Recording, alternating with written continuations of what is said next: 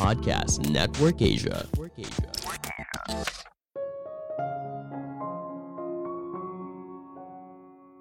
Jangan bangga apabila kamu kurang tidur karena sering lembur.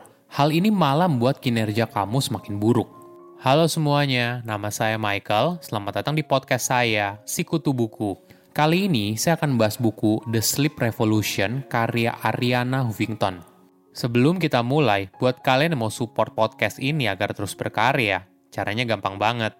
Kalian cukup klik follow Dukungan kalian membantu banget supaya kita bisa rutin posting dan bersama-sama belajar di podcast ini. Buku ini membahas waktu tidur yang cukup ternyata sangat dibutuhkan oleh tubuh. Apakah selama ini kamu tidur dengan cukup? Atau kamu merasa kalau tidur itu tidak penting? Banyak orang dengan bangga bilang kalau mereka sering bekerja lembur hingga kurang tidur. Padahal hal ini seharusnya bukan jadi kebanggaan, tapi sebuah kebiasaan yang harus diubah. Tidur yang cukup bukanlah sebuah optional, tapi boleh dibilang menjadi sebuah keharusan apabila kamu ingin memiliki kehidupan yang lebih baik. Saya merangkumnya menjadi tiga hal penting dari buku ini. Pertama, apakah tidur cukup itu penting? Kita mungkin tahu kalau suatu hal itu baik, tapi tidak kita lakukan. Barulah ketika ada kejadian buruk yang muncul, kita baru menyadari betapa pentingnya hal tersebut. Bagi penulis, dia baru menyadari pentingnya tidur yang cukup setelah dirinya terbangun di genangan darah di lantai kantornya. Ini merupakan pengingat bagi penulis tentang kelelahan dan kurang tidur. Saat itu, penulis sangat lelah hingga dia pingsan di meja, tulang pipinya patah, dan terbangun dalam genangan darahnya sendiri. Walaupun kita mungkin tidak mengalami hal yang se ekstrim itu, tapi mayoritas dari kita mungkin sering kali berada dalam kondisi kurang tidur. Banyak orang mengaku kurang tidur dan tidak cukup waktu dalam sehari. Mereka frustasi soal betapa sulitnya untuk bersantai, cara tidur, atau tidur yang cukup. Tiga hal ini sering kali menjadi masalah terbesar. Kejadian yang dialami oleh penulis membuat hidupnya berubah. Dia tidak lagi menganggap tidur sebelah mata dan malah menjadi pendukung tidur yang cukup sebagai suatu hal yang harus dimiliki untuk kehidupan yang lebih baik. Ada sebuah kisah yang tragis Sarvresta Gupta saat itu berumur 22 tahun dan bekerja sebagai salah satu analis di perusahaan investasi. Gupta tidak tidur selama dua hari berturut-turut saat menelpon ayahnya dari kantor hampir jam 3 pagi. Walaupun ayahnya berusaha menenangkan Gupta, namun sayang dia ditemukan meninggal di trotoar di luar apartemen mewahnya beberapa jam kemudian. Gupta bunuh diri dengan melompat karena tidak sanggup lagi atas tekanan kerja yang dialami. Seperti Gupta, banyak orang Amerika juga mengalami kurang tidur akibat waktu kerja yang panjang. Pada tahun 2014, survei menemukan 40% pekerja di Amerika Serikat tidak pernah mengambil cuti satu hari pun di tahun itu. Sedangkan pada tahun 2010, laporan pemerintah Amerika Serikat menunjukkan 30% karyawan hanya tidur kurang dari 6 jam sehari. Sedangkan 70% sisanya mengaku kurang tidur. Fenomena kurang tidur tidak hanya dialami oleh orang dewasa. Apakah kamu masih ingat, saat kecil kamu sulit bangun pagi untuk berangkat ke sekolah? Kita dipaksa untuk bangun padahal tubuh dan jiwa kita belum siap. Pada tahun 1998, tim peneliti dari Brown University melakukan penelitian tentang pengaruh waktu masuk sekolah yang terlalu pagi terhadap kesehatan anak. Mereka menemukan ketika sekolah dimulai pada pukul 8.25, namun kesehatan siswa mulai menurun seiring usia dan jadwal yang berubah. Mereka harus datang lebih pagi dan masuk pada pukul 7.20. Para peneliti lalu mengajak anak-anak itu keluar dari kelas pada jam 8.30 pagi dan mengevaluasi rasa kantuk yang mereka alami. Setengah dari siswa tertidur lelap hanya dalam waktu 3 menit setelah berbaring.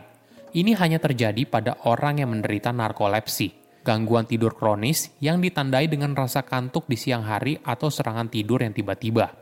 Siswa itu lelah karena dia dipaksa bangun terlalu pagi sehingga mengganggu ritme bangun tubuhnya.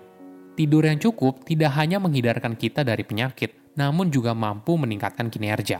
Pada tahun 2011, universitas di Israel menemukan tingkat perhatian siswa meningkat pesat ketika mereka merubah jadwal kelas dari jam 7.30 menjadi 8.30.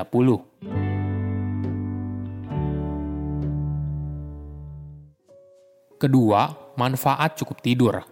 Apakah kamu boleh tidur di kantor? Mayoritas kantor tentu tidak mengizinkan. Namun ada sebuah hal menarik terjadi ketika perusahaan menyediakan nap room bagi karyawan yang ingin tidur siang. Suatu hari, ketika Huffington Post memperkenalkan nap room di kantornya, banyak karyawan melihatnya dengan skeptis. Empat tahun kemudian, nap room itu selalu overbook. Apa yang kamu lakukan saat kurang tidur? Kebanyakan orang pasti minum kopi atau malah makan cemilan manis yang banyak. Coba pilih opsi lain yaitu tidur siang. Kamu tidak butuh waktu lama, cukup 20 hingga 30 menit pasti sudah terasa bedanya. Selain tidur siang, perusahaan juga bisa mempromosikan kegiatan tidur yang baik dengan memastikan kalau kantornya ada jendela. Sinar matahari ternyata bisa membuat suasana lebih tenang dan penting untuk jam tubuh karyawan. Sebuah studi menemukan, karyawan yang bekerja di kantor tanpa jendela kehilangan rata-rata 46 menit tidur per malam. Kenapa? Karena tubuh kita membutuhkan sinar matahari untuk mempertahankan ritme jam tubuh. Ada fakta yang menarik Cita merupakan hewan tercepat di dunia. Cita bisa bergerak dari diam hingga hampir 100 km per jam hanya dalam waktu hitungan detik.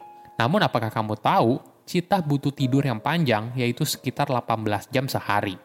Sayangnya di dunia olahraga, sering kali tidur itu disepelekan. Beberapa pelatih dari kompetisi Liga Sepak Bola Amerika di Amerika Serikat sering kali berbicara kalau mereka kurang tidur karena bekerja hingga larut malam. Bahkan ada salah satu pelatih yang membanggakan diri kalau dia tidur hampir setiap malam di kantor dan bekerja sekitar 16 jam sehari. Tanpa mereka sadari, kebiasaan tidur yang buruk mungkin saja mempengaruhi kinerja mereka. Pada akhirnya, juga akan mempengaruhi kinerja seluruh anggota tim. Ada sebuah riset yang menarik. Peneliti dari Stanford University mengukur waktu para pemain dalam lari cepat dan melempar bola 3 point. Dia membagi menjadi dua sesi, di sesi pertama, para pemain hanya tidur 6,5 jam per malam, dan di sesi lain, para pemain tidur 8,5 jam per malam. Hasilnya, pemain yang tidurnya cukup mampu berlari 0,7 detik lebih cepat dalam sprint dan mencetak 9 skor lebih banyak dalam 3 point.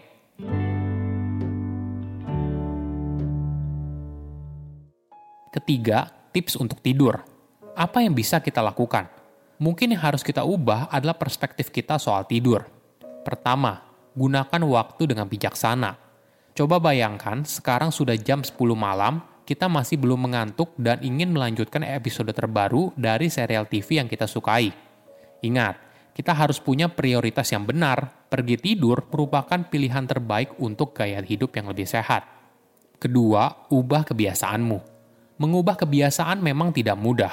Kamu perlu komitmen dan menjalaninya hari demi hari kamu butuh waktu untuk mengubah pola tidurmu yang berantakan menjadi lebih teratur. Ketiga, jangan lihat tidur sebagai hukuman. Ingat nggak, waktu kita kecil, mungkin saja kita paling tidak suka dengan tidur.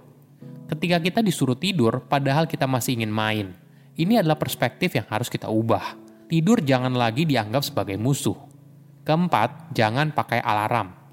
Mungkin kita setiap hari menggunakan alarm untuk bangun pagi, berangkat ke sekolah, ke kantor, dan sebagainya. Namun ketika alarm berdering, tubuh kita bangun dalam keadaan stres yang tinggi. Ibaratnya, alarm mengaktifkan bagian otak kita yang terdiri dari dua pilihan, melawan atau kabur. Coba belajar untuk bangun tanpa alarm. Coba perhatikan berapa jam yang kamu butuhkan untuk bangun dan tidur tanpa alarm. Ketika kamu bangun, jangan buru-buru bangun dari tempat tidur Cobalah biarkan waktu beberapa detik, ibaratnya untuk mengumpulkan nyawa lah, baru bangun dari tempat tidur. Kelima, hindari peralatan elektronik sebelum tidur. Apakah kamu sulit tidur? Hal ini mungkin disebabkan kamu masih melihat handphone di ranjang. Cobalah untuk tidak melihat peralatan elektronik seperti handphone, laptop, dan sebagainya setengah jam sebelum tidur. Blue light atau sinar biru dari perangkat tersebut membuat otakmu menjadi tetap waspada sehingga kamu bisa terbangun di tengah malam atau sulit tidur. Tidur bukan hanya penting bagi kesehatan, tapi bisa memberikan kita kesempatan untuk menjalani hidup dengan lebih baik. Saya undur diri, jangan lupa follow podcast Sikutu Buku. Bye-bye. Hai kamu, para pendengar Sikutu Buku yang selalu haus akan pengetahuan. Salam kenal dari podcast Stoikas ID dengan aku Sita Putri. Dalam podcast Stoikas ID, aku ngobrolin tentang filsafat stoikisme. Tapi tenang aja, pembahasannya ringan kok, karena berkaitan erat dengan kehidupan sehari-hari. Sehingga filsafat stoikisme sangat bermanfaat untuk kamu terapkan dalam mengatasi kegalauan dan kekhawatiran dalam hidup. Aku tunggu kamu di podcast Stoikes ID ya.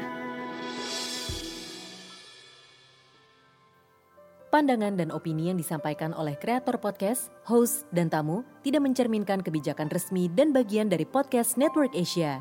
Setiap konten yang disampaikan mereka di dalam podcast adalah opini mereka sendiri dan tidak bermaksud untuk merugikan agama, grup etnik, perkumpulan, organisasi, perusahaan, perorangan, atau siapa pun dan apa pun.